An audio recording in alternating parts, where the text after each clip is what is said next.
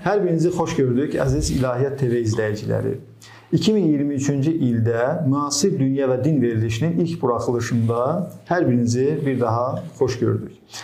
Bu gün e, verilişimizdə İslam və elm münasibətlərini müzakirə etmək istəyirik. Məlum olduğu kimi, ötən verilişlərdə din və elm münasibətlərinin fəlsəfi, tarixi aspektlərini müzakirə etdik və bu gün də bu mövzunu İslam və elm münasibətlərini müzakirə etməklə yekunlaşdırmaq istəyirik. Verilişimizin qonağı vardır.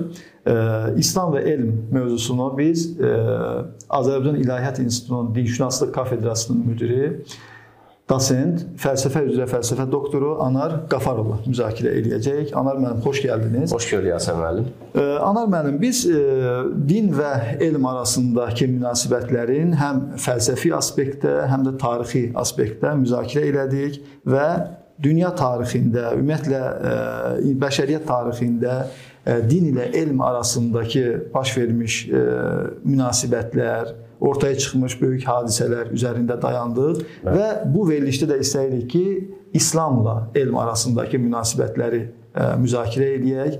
İslamın ümumiyyətlə elmə münasibəti necədir? Tarixi prosesdə İslam dünyasında hansı dini hərəkatlar, hansı elmi e, hərəkatlar ortaya çıxıb, İslam düşüncəsində elmi rolu nə olub və bu mövzular haqqında istəyirik sizinlə e, müzakirə edək mövzunu.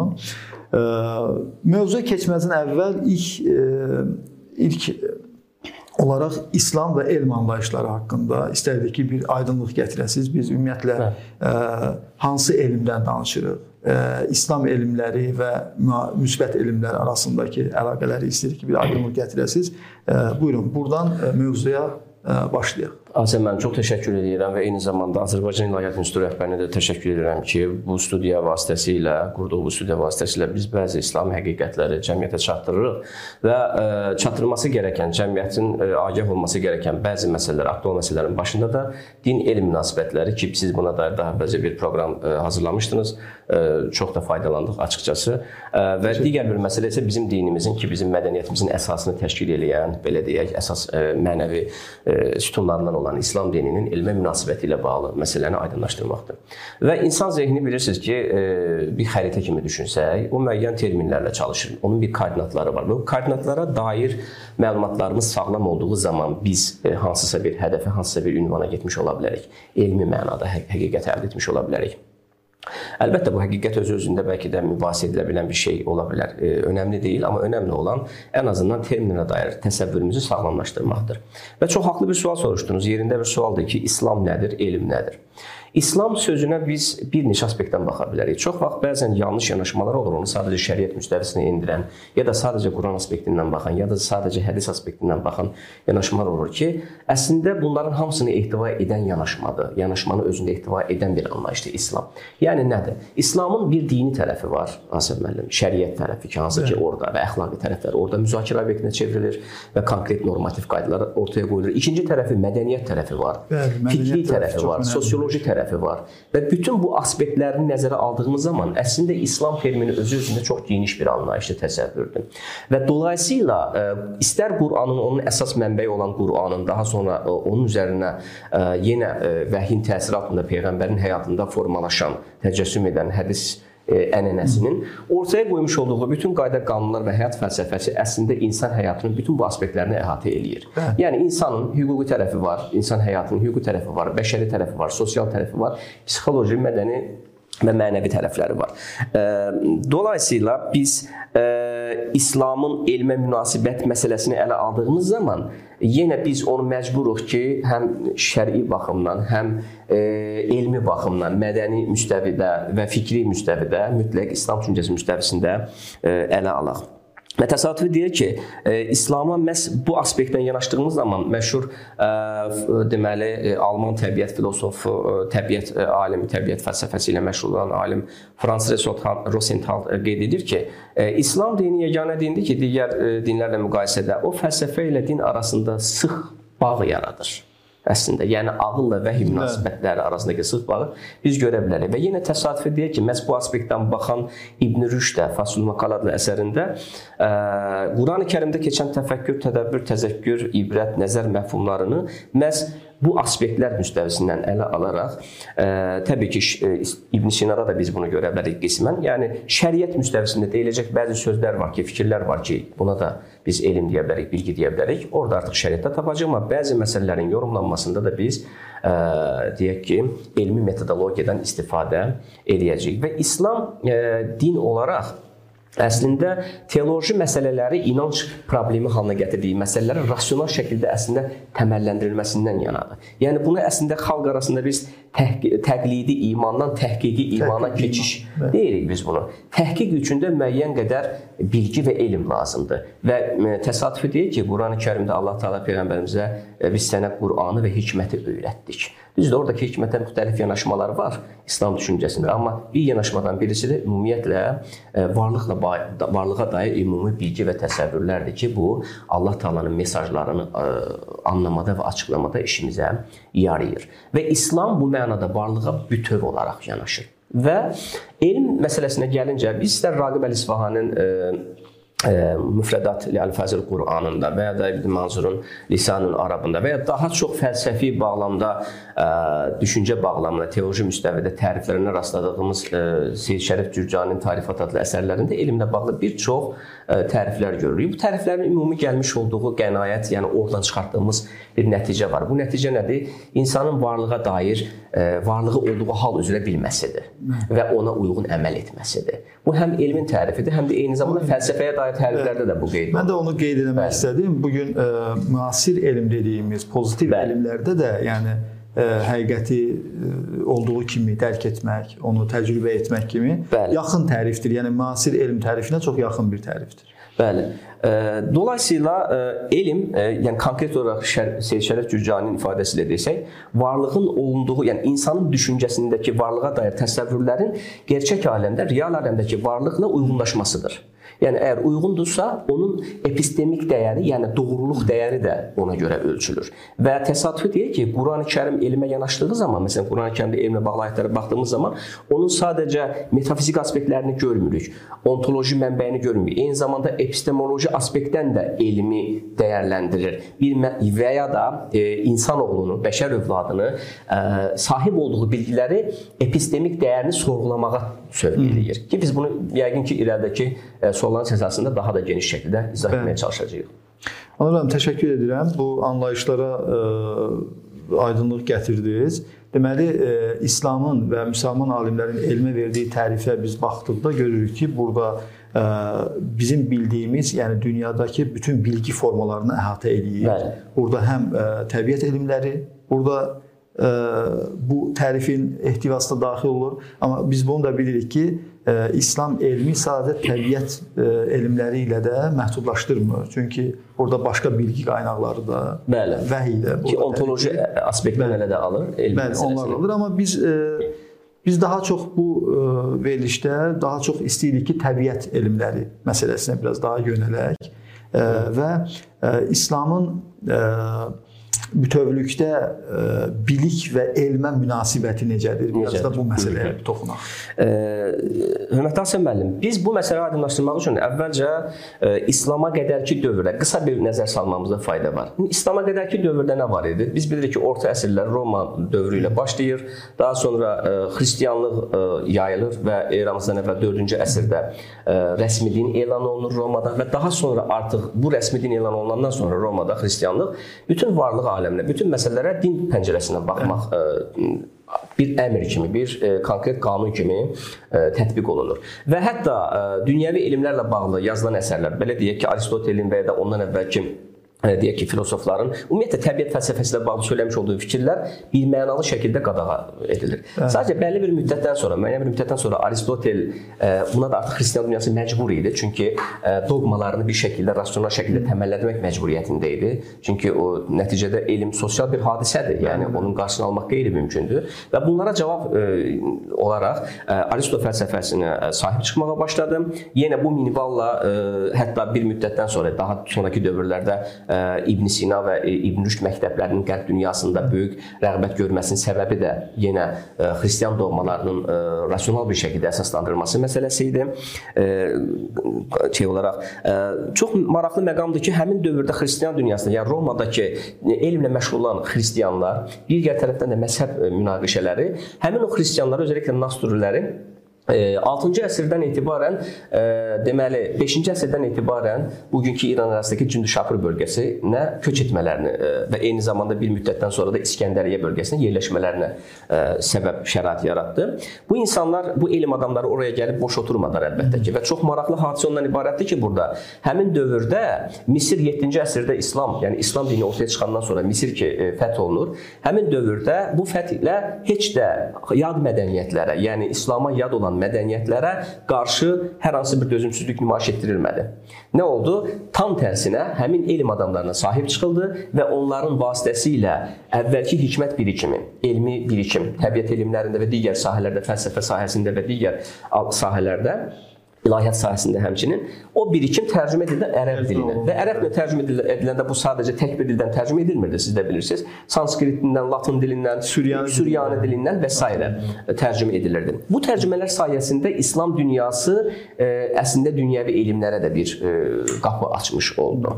E, və sual oluna bilər ki, bunun səbəbi nə idi? Bunun teoloji səbəbləri varmı idi? Yəni müsəlmanları buna sövq edən bir mədəniyyətdən bəhs ediriksə, İslam mədəniyyətindən və ya düşüncə tərzindən e, Quran-Kərimin ortaya qoymuş olduğu yanaşma bu istiqamətdə Bəli. necə idi? Bizim üçün də maraqlı olan budur ki, yəni İslam dini və İslam mədəniyyəti fərqli ə, e, fəth ə, e, deməli fəaliyyətlər sayəsində genişlədikcə fərqli mədəniyyətlərlə, fərqli bir fərqli bilgi formaları ilə qarşılaşanda buna necə reaksiya verilir? Bəli. Bu məsələ çox əhəmilidir. Əvvəla əlbəttə ki, bunun ə, e, yəni ə, e, epistemolojik olaraq, psixoloji olaraq cəmiyyət özü bir hesablaşmaq məcburiyyətində idi qarşılaşdığı mədəniyyətlərlə. Amma bunun üçün də bir teoloji təməl lazım idi. İnançlı insanlara daxil bunlar, çünki yəni biz belə tarixdə o məlum olan ə, e, deməli bilgilər əsasında qeyd edirik. Ə, bunun iki təməl səbəbi var idi. Birincisi ə, teoloji səbəb, yəni amil müsəlmanları yad mədəniyyətlərin və ya da elmə qarşı sövq edən e, deyək ki, amillər arasında iki əsas amil var. Biri teoloji amil ki, bunlar Quran və hədisləri özündə ehtiva eləyir. İkincisi isə siyasi amil idi ki, bu da İslam xəlifələrinin elmə olan marağı, yenə də bu xəlifələrin əlbəttə ki, Qurandan almış olduğu və hədislərdən almış olduğu ilhamla Hə. və fikirlə e, bu kimi deməli elmi fəaliyyətlərə qapı açmış olurdular. Burada bəlkə Anar müəllim icazənizlə bir şey də əlavə etmək istəyirəm. E, Bu yeni bilgi formaları e, hardasa İslam düşüncəsi, teologiyası Bəli. qarşısında müəyyən çağırışlar da yaratmış ola bilər.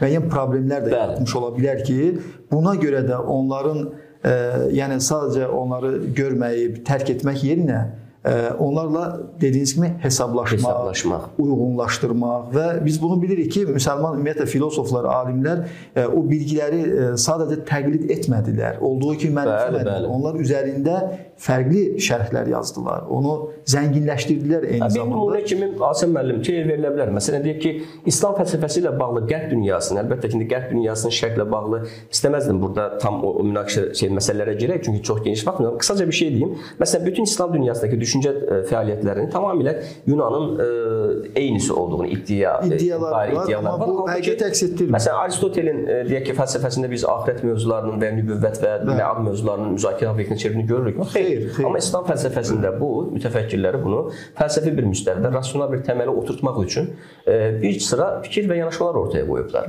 Bu həm də fəlsəfləşmiş kəlam gələnəyində də e, biz bunu görə bilərik. Fəxrəddin Razi və daha sonrakı dövrdəki Nəsrəddin Tusi ənənəsində. Buyurun Hasan müəllim, bir şey deyirdiniz də mən e... yox, bunu qeyd edəcəkdim. E, deməli e, İslam dini bütövlükdə e, deməli Yunan fəlsəfəsi ilə qarşılaşanda onu tam rədd etmədi Hı -hı. və onu olduğu kimi də təqlid etmədi. Bəli.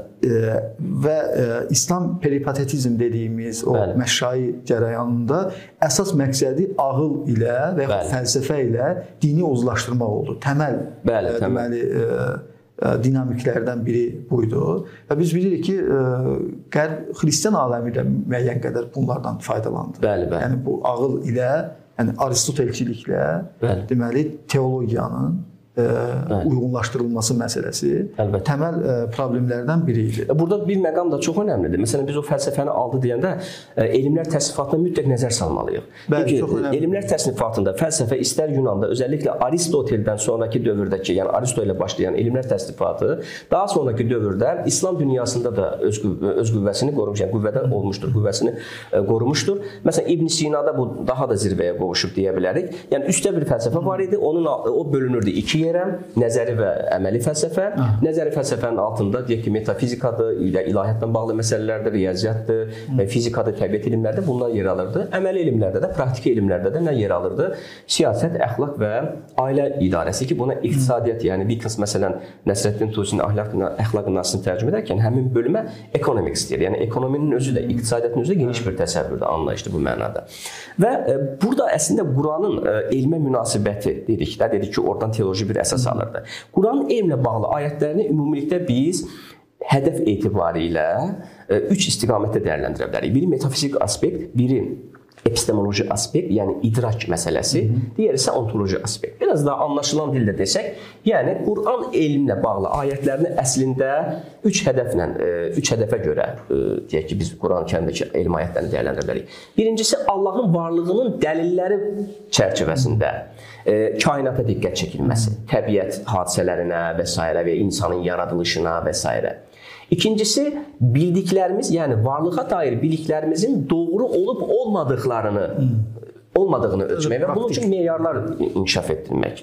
Və bu istiqamətdə yazılan bir çox əsərlər də zaten bu ayətdən ilhamlanaraq bunu əsaslandırmağa çalışıblar. Məsələn, e, mən elmin metafizik aspekti hədəfi bağlamında e, çərçivəsində 3 əsas məqama istəyərdim işarət edirəm. Birinci yaradılışla bağlı təbiətə dair hadisələr, ikinci e, tarix və coğrafiyaya dair misallar ki, buradan Tanrı bir mesaj verir. Çox maraqlıdır.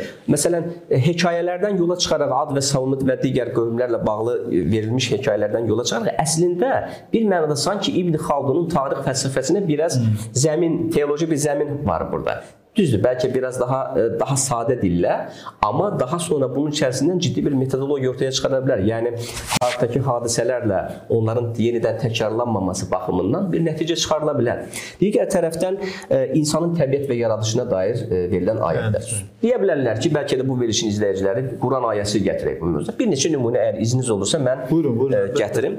Məsələn, nümunə olaraq, yəni elmin dəyəri bağlamında Nəhl surəsinin 78-ci ayəsində buyurulur. Allah sizi analarınızın bətnlərindən heç bir şey bilmədiyiniz halda çıxartdı, sonra sizə qulaq, göz və qəlb verdi. Bu qəlbi biz Qəzalinin deyək ki, e, əsərlərinə baxdığımız zaman və digər daha çox Qəzalidə özünü büruzə verir. Qəlb, nəfs, ruh və ağıl məfhumları e, eyni məzmunlu e, mənada, kontekstdə istifadə olunur. Yəni idrak e, boyutu olaraq. Çox maraqlıdır. Məsələn, e, empirik bilgilərin əsasında əsasən 5 duyğu orqanımız, yəni müşahidəyə əsaslandığı üçün 5 duyğu orqanımız yatır ki, bunların ən önəmlisi də göz, qulaq və idrak məsələsidir. Yəni bizim 5 duyğu ilə qəbul etmiş olduğumuz ə, məlumatları biz ağlımızla ölçürük, onların doğruluq dəyərini çıxardırıq. Digər bir ayət də var bu mövzuda. Məsələn, Bəqərə surəsinin 31-ci ayəsində də Allah Adəmə hər şeyin adını öyrətdi, sonra onları mələklərə göstərərək, əgər doğru deyirsinizsə, bunların adlarını mənə bildirin. Yəni doğruluğun ölçüsü Yəni e, varlıqla bağlı, hadisələrlə bağlı ortaya qoyulan olan mühakimələrin varlıq və hadisələrlə uyğun olub olmadığı məsələsidir. Əslində bu ayətdən də çıxarıla biləcək bir digər epistemik dəyər budur. Yenə Yaradışla və təbiətə ayələrdə də biz görürük ki, təbiətdəki hadisələrə mən indi ayətləri qısaca burada məsələn Bəqərə surəsinin 64-cü ayəsinə baxa bilərlər bununla bağlı və ya Ələq surəsinin 1 və 5-ci ayəsinə qədər baxa bilərlər. Çox maraqlıdır və oxu əmri ilə başlayır. Və oxu əmri mən e, bununla bağlı da hər zaman e, tələbələrə də deyirəm. Oxu sadəcə mətn oxumaq deyil. Oxunun müşahidə və Müşahidə, əlaqəsi var. Əslində müşahidə. İslamın elmə münasibətində Ələq surəsi çox ciddi şəkildə bəlkə də təfsir və dəyər, təfsir olunub dəyərləndirilə bilər müasir elmi metodologiya ilə ə, əsaslanaraq, metodologiya əsaslanaraq. Yəni peyğəmbərimiz bilir ki, oxumaq və yazması olmayan bir ə, şəxsiyyətidir, Ə, düzdür, nəfsini ə, inkişaf etdirmək üçün, tərbiyə etmək üçün zaman-zaman Hira mağarasına çəkilə. Ə, Lakin həmin dövrdə peyğəmbərimizə oxu əmrinin verilməsində Bir bax, yəni insan bax arxasıca gələn ayət çox maraqlıdır. Oxu e, İqra bismi rabbikəllazi xalaq xalaqal insana min alaq və insanın yaradılışına dəqiq çəkir. Və çox maraqlıdır bu e, məşhur e, bu insan təbiətinə ümumiyyətlə yaradıcına dair ayələrdən yola çıxan bir Kanadalı embrioloji mütəxəssisi var, Case Moore. Qeyd edir ki, insanın yaradılışı ilə bağlı ayələrə baxanda deyir Qurani-Kərimdə Buradan çıxartmaq olur ki, Həzrəti Peyğəmbər deyir, Məhəmməd Peyğəmbərimiz sallallahu əleyhi və alihi və səlləm seçilmiş bir kimsədir. Bu təbii ki, Murun çox təfsilatlı dəyərləndirməsi. Digər bir məsələ çox qısaca epistemolojik məsələ. Epistemoloji məsələ ilə də ilgili, yəni bildiklərimizin doğruluq dəyərini necə ölçə bilərik? Burada da e, İslam ədəbiyyatında da bu müzakirə keçirir. İlm əl-yaqin, ayn əl-yaqin və haqq əl-yaqin e, aspektləri var. İlm əliyyatın əslində Asəb müəllim bu gün təbiət elmlərində tamamilə e, e, deduksiya və induksiyaya əsaslanan elmi nəticələrin doğruluq dəyəridir. Yəni bəlli bir metodologiya lazımdır onun üçün, Hə. bəlli bir məntiq əsasları, prinsiplər lazımdır ki, verifikasiya əsasında verifikasiyası Hə. əsasında gerçəkləşir. Digər məsələ ə, e, aynə əl-yaqin, yəni müşahidə, birbaşa görmək. Məsələn, illərcə bir heyvanın arxasıca düşüb onu müşahidə etmək və oradan nəticələr çıxarmaq və ümumiləşdirmələr aparmaq.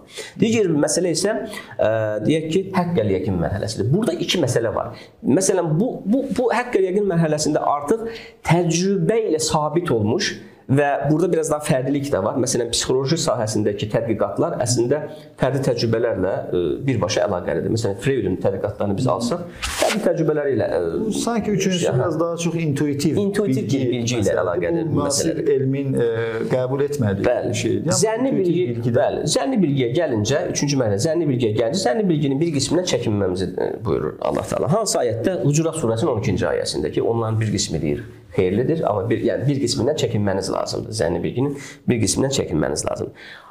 Bilginin mənbəyi ilə bağlı yanaşmalarında da hiss üzvlərinin, orqanlarının, ağlın və vəhyin əsas olduğunu götürür. Bəli. Və hər üçünə də dəyər var Qurani-Kərimdə. Hər üçünün də bir dəyəri var. Necə ki, deyir onların gözləri var, görməzlər, qulaqları var, eşitməzlər, qəlblərinə də möhür vurulmuşdur. Bu nə deməkdir? Əslində insanın bilgi vasitələri olan, yəni mənbəyini təşkil edən bu üç əsas üzv, orqan, belə deyil, alət olduqca əhəmiyyətlidir və Qurani-Kərimdə də buna böyük əhəmiyyət Yəni məsələ göstərir. olaraq burada onu demək olar ki, yəni qəbul olunmuş, yəni bilgi mənbələri içərisində Bəli. ağıl, təcrübə mühüm yer tutur. Yer tutur. Təbii ki, amma bu İslam bir yəni din olması səbəbi ilə, səbəbi ilə. təbii ki, burada bir vəhiy və yaxud intuisiya deyilən bir bilgi. Əslində bu intuisiya məsələsi qərb filosofları içərisində də belə bir bilgi qaynağını müdafiə Bergson kimi yəni bəli, müdafiə bəli. edən müasir e, filosoflar da olmuşdur, amma biz bilirik ki, bu gün pozitiv elmlər e, daha çox nədir? Təcrübə, daha çox müşahidə və təcrübə əsaslanan bir elm formasıdır. Yəni qərb dünyasında əslində buna yönəlməsinin səbəbləri var. Düz bilirsiniz necə pozitiv elmlə varlığı bir yerə qədər izah edirsiniz, amma elə bir məsələ var ki, orada pozitiv elmlərdə əsasən varlıqlara cüzi olaraq yanaşır. Bəli, bəli, yəni, yəni, yəni müəyyən bir pəncərədə yanaşır. Amma varlığı bütün olaraq görmək və anlamlandırmaq və onun insan həyatındakı yerini təsbit etmək baxımından artıq istər-istəməz siz intuitiv və e, yəni şərq şərq elminə, şərqin elmə baxışına yönəlmək məcburiyyətindəsiniz. Məsələn, təsadüfə ki, qərb dünyasında e, psixoanaliz, müasir dövrün psixoanalitik psixoanalitik yanaşmalarında da bu öz əksini tapır. Yəni e, şərqdəki deyək ki, özəlliklə zen budizm üzərindən təbii ki, müəyyən qədər tədqiqatlar var, amma olsun. Yəni bir şəkildə bir yönəlmə var. Yenə eyni İslamın Qurani-Kərimə buna yanaşması peyğəmbərimizin hədislərində də görə bilərik ki, oradan da çıxan nəticə nədir? elm yolunda deyir, ayağını deyir öz evindən bir addım atan və ya da deyir, hətta deyir elm yolunda deyir, yola çıxan insan deyir, qaydana gedər Allahın savabını qazanar deyir.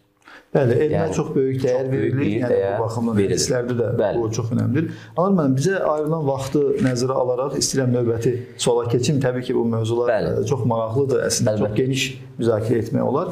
E, bu İslam dininin bu teoloji e, aspektdə elmə, biliyə açıq olması Bəli. Təbii ki, İslam dünyasında yeni elmlərin əxz edilməsi, inkişaf etdirilməsinə gətirdi. Bu da İslam mədəniyyətinin inkişafına, çiçəklənməsinə səbəb oldu. Ə, istəyirəm biraz bu elmlərdən qısaca hansı sahələrdə elmlər inkişaf elədi, bu bütövlükdə İslam mədəniyyətinə necə təsir göstərdi və vaxtımız qalarsa əgər bu durğunluq problemi ilə Bəli. əlaqədə bəzi məsələlərə toxunmaq çünki İslam mədəniyyəti elmə, biliyə önəm verəndə bu elm biliyin inkişafı üçün münbit zəmin olanda inkişaf etdi, amma müəyyən dövrdən sonra bu inkişaf dayandı və yaxud da ki qismən tənəzzül oldu. Qismən, qismən bir tənəzzül problemi, prosesi yaşandı. Bunların səbəbləri haqqında Bəli. istərdim ki, biraz daha açıqlamaq. Əlbəttə, verilişin vaxtını nəzərə alaraq, bir də digər tərəfdən də bilirsiniz, bu məsələ biraz da elm tarixçisinin, yəni daha çox bu sahələrdə bəli, bəli. ciddi tədqiqat aparan mütəxəssislərin dinlənməsi daha məqsəd olunur, amma biz burada ümumi bir mənzərə əgər təsvir etməyə çalışsaq, belə deyək, siyasi ayağından bəhs etsək deyək ki, xəlifə Mənsur Məmun və Harun Rəşid dövründə, Ali Rəşid dövründə ə, yaradılmış şərait, Abbasilər dövründə yaradılmış şərait və ə, deyək ki, Beytül Hikmə bir tərəfdən, yəni İslam dünyasında ümumiyyətlə təbiət elmlərinin və digər elm sahələrinin təşəkkülünü və inkişafını təmin edən bəzi qurumlar olub. Bunların başında ə, hikmət evləri gəlib, hansı ki, tərcümə fəaliyyətlərinin gerçəkləşdirdiyi və şərh və haşiyələrin yazıldığı, digər tərəfdən rəsədxanalar gəlir, sonra şəfaxanalar gəlir, xəstəxanalar və daha sonrakı dövrdə də biz mədrəsələri görürük. Yəni 12-ci əsrdə, 11-ci əsrdə mədrəsələrin e, fəaliyyət göstərdiyini görürük. Və əlbəttə ki, bu mədrəsələr olsun və digər sahələrdə çox maraqlı məqam odur ki, İslam mədəniyyəti özü öz içərisində ə, e, müsəlmanlara belə bir fəlsəfə bəlkə də yəni aşıladığı üçün ondan irəli gələn bir hadisədir ki, ə, e, məsələn, ə, rəsədxanalarda başqa ölkələrdən, hətta Çindən belə gəlib alimlər çalışırdı və Yahudi və xristianlardan Doğrudur, ibarət bəzi həkimlər, məsələn İbn Maymonides, yəni İbn Meymun deyə bilinir İslam fəlsəfəsində, ə, müsəlman ə, deməli xəlifələrindən, sultanlarından birisinin hətta ata və oğlun ə, himayəsi altında, himayəsi altında doktor olaraq, həkim olaraq çalışıb. Və bəziləri tərcümə fəaliyyəti Hüneyn ibn İshaq, İshaq ibn Hüneyn bunlar tərcümə fəaliyyətlərində xüsusi olaraq iştirak ediblər və bu sahələr də əslində, yəni onlar nəyi gətirdilər İslam dünyasına? Bu çox maraqlıdır. Yəni çox vaxt elə başa düşürlər ki, sadəcə ilahiyyatla bağlı və dinlə bağlı məsələlər və elmi yanaşmalar xeyr. Astronomiya, riyaziyyat, e, fizika, yəni təbiət elmləri adı altında daha çox gedirdi və xüsusilə riyaziyyat və astronomiya dair tədqiqatların arxasında arxasında isə müəyyən səbəblər var idi. Bu səbəblərin ən önəmlisi isə namaz təqvimlərinin, Bəli. namaz vaxtlarının müəyyənləşdirilməsi, oruc vaxtlarının müəyyənləşdirilməsi. Çünki coğrafiya genişlədikcə oradakı saat qurşaqları, yəni iqlim deməkdir, saat qurşaqları dəyişir və dolayısıyla bunlara görə nə vaxt namaz qılınacaq, nə vaxt ibadət olunacaq və nə vaxt oruc tutulacaq və iftar açılacaq şəklində bu yanaşmalardan yola çıxıb daha sonrakı mərhələdə çox ciddi bir e, mərhələyə gəlir. Hansı mərhələyə? Məsələn, Nəsrəddin Tusinin yaradıcılığında biz bunu trigonometriyanın, astronom vaxtilə astronomiyanın e, sahəsində, çərçivəsində tədqiqat obyektinə çevrilən trigonometriya daha sonra sərbəst bir sahə olaraq ayrılır oradan və cəbr e, elminin, cəbr və müqavilə elminin çərçivəsində müzakirə obyektinə çevrilir. Və burada biz xüsusilə riyaziyyat sahəsində Ömər Xəyyamın, Əbu Kamilin, ondan sonra Battaninin, daha sonra bir Əbdülhəmid İbn Türk deyə məşhur bir alim var onun və eyni zamanda Xarəzminin, İbn Heysəmin yenə Heysəm, optika, optika sahəsindəki işığın qırılma hadisəsi, görmə hadisəsi necə baş verir? Bir onun coğrafiya antropologiya. coğrafiya antropologiya. Əlbəttə ki, bunlar özlüyündə tamamilə də otantik və orijinal deyildi. Əlbəttə ki, bunu bilirsiniz necə? Bunu bir qınaq obyektinə çevirmək də olmaz. Çünki mədəni istənilən bir düşüncə tərzinin və mədəniyyətin formalaşmasında Asəm müəllim bir əvvəlki mədəniyyətin mütləq təsir izləri olur. Zaten bu bir ənənədir.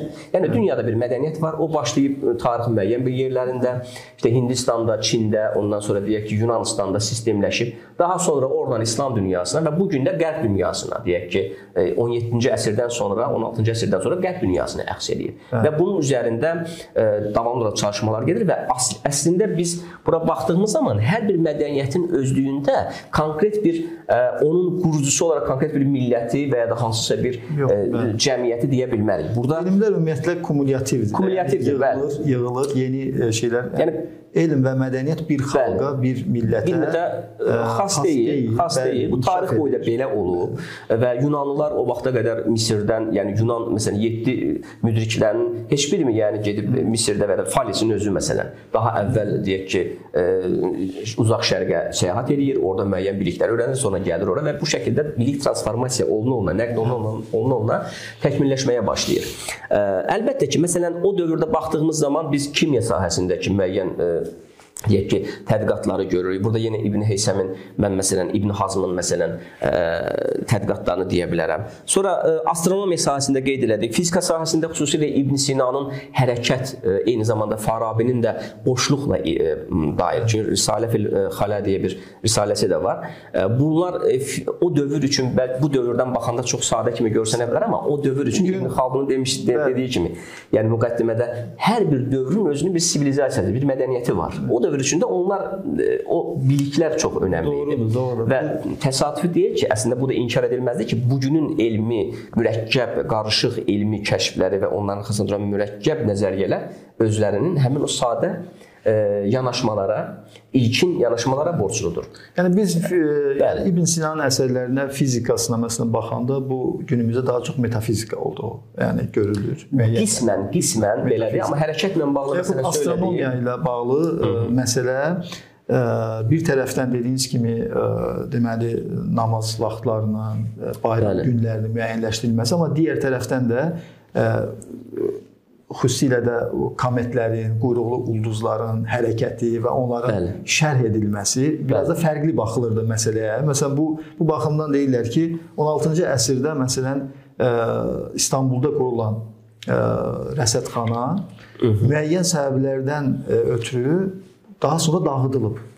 Və səbəb kimi də göstərilir ki, ə, həmin dövrdə bir ə, göy cisminin hərəkəti və ə, bir ə, kometin hərəkəti ilə bağlı gətirilən kəhanı doğru çıxmır və ə, müəyyən dini fanatiklər tərəfindən də oranın dağıdılmasına deməli Qərar verilir. qərar verilir. Yəni baxırıq ki, yəni İslam dünyasında ə, əslində dinin teoloji baxımdan elmin inkişafına zəmin var, şərait var, amma yenə də içəridə buna qarşı bir müxalifət də hər zaman sanki mövcud olub.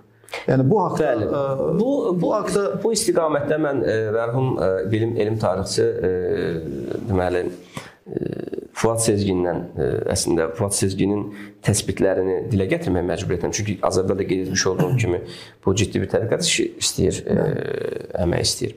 O qeyd edir ki, əslində çox da doğru bir təsbitdir. Bunu dəyərləndirəndə deyir, İslam dünyası ilə e, xristian dünyasını müqayisə edəndə Xristian dünyasında məsələn İbn Rüşdün ya da Aristotelin əsərlərinin qadağan edilməsi institusional olaraq bəli, təşkilat rəsmi olaraq şəkildə kilsə, təsdiq olunur. kilsə Bəli. bunu qadağan edir. Papa 3-cü İnnozensin vaxtında Aristotelin bütün əsərləri qadağan olunur. Qadağan olunur bunu təqib deyil. Bəli, təqib Yəni, edirdilər. İbn Rüşd eyni şəkildə. Bəli. Halbuki niyə İbn Rüşd? Bu da təsadüfdür. İbn Rüşd Aristotelin böyük şərhçisi idi yəni. Daha şə, yəni İbn Rüşd olmasaydı və ya İbn Sina olmasaydı, Qərb dünyası Aristotelin e, heç formal məntiqini belə m, tanımayacaqdı. Yəni. E, halbuki e, yəni onlar düzdür. Və yazılan fəlsəfə kitablarında, düşüncə tarix kitablarında qaranlıq dövr kimi qiymətlənir. Sanki orada bir dövr yoxdur, birdən-birə Yunandan keçir qəbrinə, əslində belə deyil.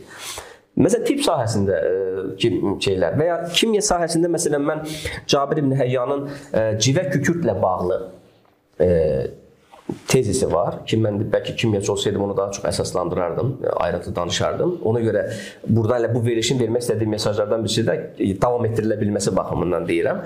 Bu istiqamətdə məsələn keçən səfər bir bilim tarixçisi qeyd edir, deyir ki, Türkiyədə deyir ki, e, İbn Sinanın Kitab-ı Tibb haqqında deyir, İslam dünyasında danışacaq hal-hazırda bir dənə adam yoxdur yəni. Yəni oturub tə- mirası halbuki bu 100 ilə yaxın, bir əsrə yaxın belə deyək də, e, Qərb dünyasında tətbiq olunur. Məsələn, Salerno İtaliyada qurulan Sal- Salerno tibb məktəbinin e, nəzəri təməllərini, öz nəzəri təməllərini İslam dünyasındakı qurulan e, tibb e, e, deməli mərkəzlərindən alıb. Hansı mərkəzlərdə onlar? Bir tərəfdən vakıflar tərəfindən, yəni vəqflər tərəfindən maliyyələşdirilən, digər tərəfdən də pulsuz təhsilin olduğu, digər tərəfdən də xəstələrin başı ucunda, e, yəni başlarının yanında oturub e, tələbələrlə müəyyən tibbi məsələləri orada öyrədilirdi.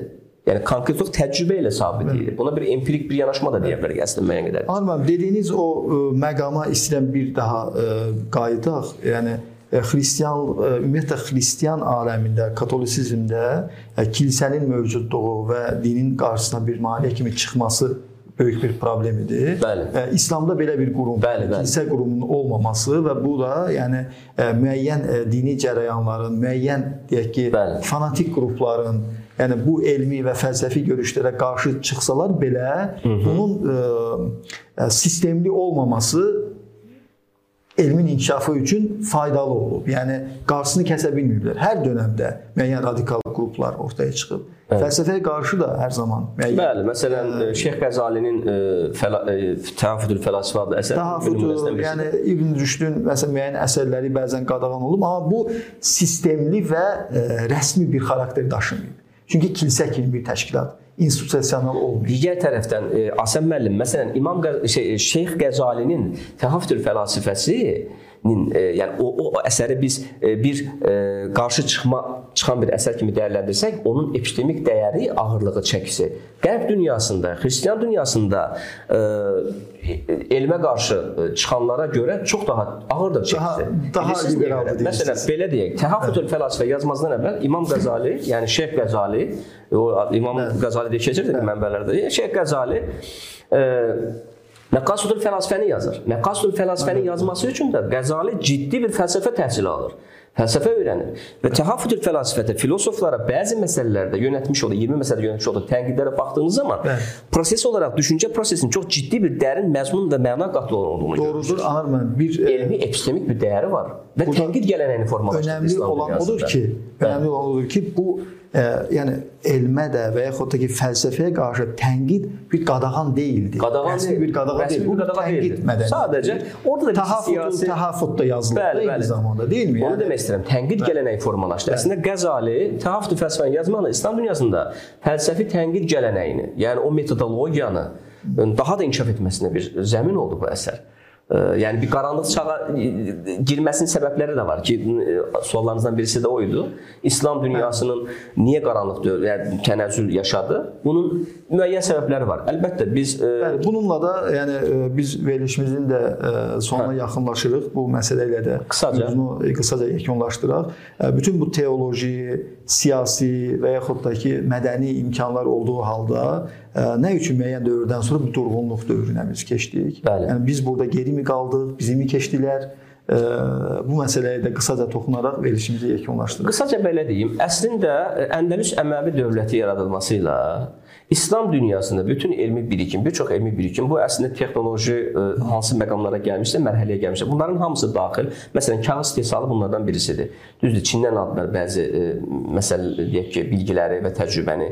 Bir digər tərəfdən Misirin fəth edilməsi ilə orada bilirsiniz, papirus sənəti çox geniş yayılmışdı. Papiruslar üzərinə yazılırdı və papirus sənəti daha sonra İslam dünyasında ə, deməli kətanla və pambıqla birləşdirilərək daha keyfiyyətli kağız istehsalı məsələn gündəmə gəldi və bunun istehsal edən maşınlar da, texniki avadanlıq da bir müddətdən sonra Əndəlüs Əməvi dövlətinə götürüldü.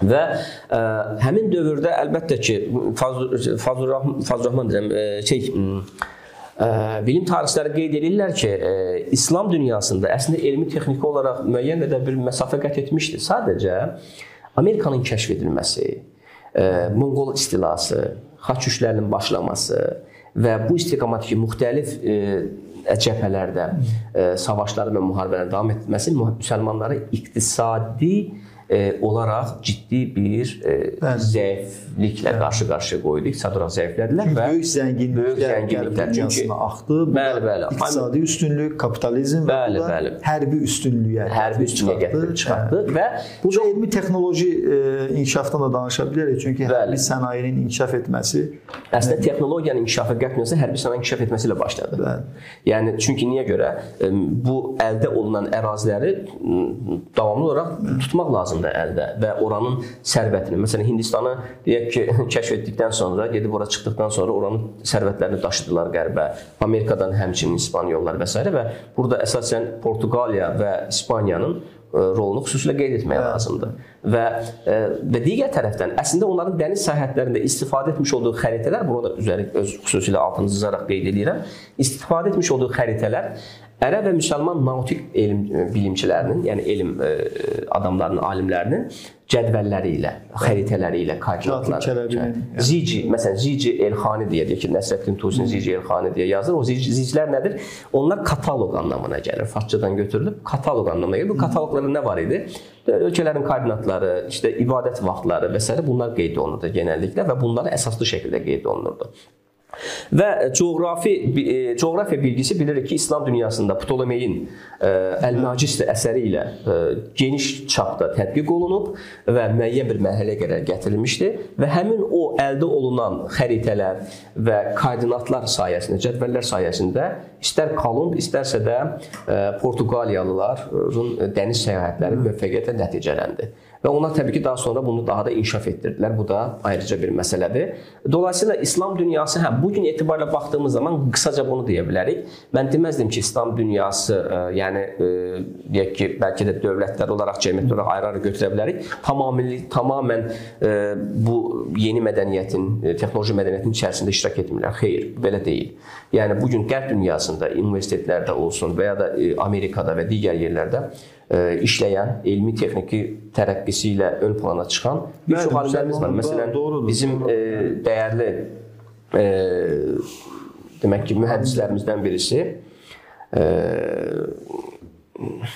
yəni Lütfizadə Bəli. Məsələn, bunlardan birisidir. Bəli, burada hə, yəni, yəni qərb təhsili almış alimlərdir hə. bunlar, təbii ki. Bir də ki, bu gün artıq biz bilirik ki, elm və din bir-birindən ayrılıb, müstəqilləşib. Yəni müsəlmanlar Düzdür, qərbdəki alimlər qədər bəlkə sayca olmaz, amma yenə də bu prosesdə iştirak edirlər. Bilirsiniz Azəm müəllim, mühit yaradıldığı zaman, yəni şərait yaradıldığı zaman insan o şəraitdə istənilən şəkildə özünü inkişaf etdirə bilər. Yəni önəmli olan onun üçün bir şərait. Məsələn, biz e, keçmişə baxanda İslamın mədəniyyətinə baxdığımız, İslam mədəniyyətinə baxdığımız zaman orada önəmli olan hər kəsə bir şərait yaradılıb, yəni elmlə məşğul olmaq üçün. Və yəni dediyim kimi xəstəxanalar vakıflarla, vəqflərlə maliyyələşdirilib. Yəni alimin bir keçim dərdi olmayıb, sıxıntısı olmayıb ki, otursun nəyisə fikirləşsin ki, mən bunu necə eləyəcəm. Amma e, qərb dünyasında onlar bu mənada çox e, çox daha erkən davranıblar. Bu da bir e, hə, həqiqət 16-cı əsrdən sonra öz tarixi təcrübələrindən dərs çıxarıblar. Anar müəllim, biz bizə ayrılan vaxtın sonuna gəldik. Bəli. Mövzu çox maraqlıdır. Çox təşəkkür edirəm məsələyə həm tarixi, həm fəlsəfi baxımdan aydınlıq gətirdiniz. Mən ümid edirəm ki, mövzumuz izləyicilərimiz üçün də maraqlı olacaq, bilgi dolu olacaq və biz növbəti verilişlərimizdə də İslam dünyasındakı modernləşmə fəaliyyətləri ilə bağlı məsələyə toxunmağa çalışarıq. Bir daha verilişimizə gəldiyiniz üçün və dəyərli fikirlərinizi bizimlə bölüşdüyünüz üçün təşəkkürümü bildirirəm sizə. Əziz izləyicilər, bugünkü müasir dünya və din verilişinin sonuna gəldik. İslam və elm mövzusunu e, müzakirə elədik. Mövzu çox genişdir və maraqlıdır e, və biz buradan e, bu nəticələrə gəldik ki, İslam dini elmə hər hansı bir maneə təşkil etməyib, hətta elmin inkişafına motivasiya və şərait yaradıb. Amma müəyyən dövrlərdən dövrlərdən sonra burada danışdığımız kimi müəyyən durğunluq yaşanıb. Yenə də bu mövzu öz aktuallığı ilə öz ə, e, əhəmiyyəti ilə yenə də hər kəsin diqqətini cəlb edən mövzulardan biridir. Ə, e, növbəti verilişlərimizdə biz çalışarıq ki, ə, e, müasir dünyanın müasir dünyada İslamın, müsəlmanların və dinin ümumilikdə qarşılaşdığı problemlərlə bağlı müzakirələrlə sizin qarşınızda olaq. Bugünkü verilişimizdə burada yekunlaşdırırıq. Sağ olun. Gələn verilişlərdə görüşənədək.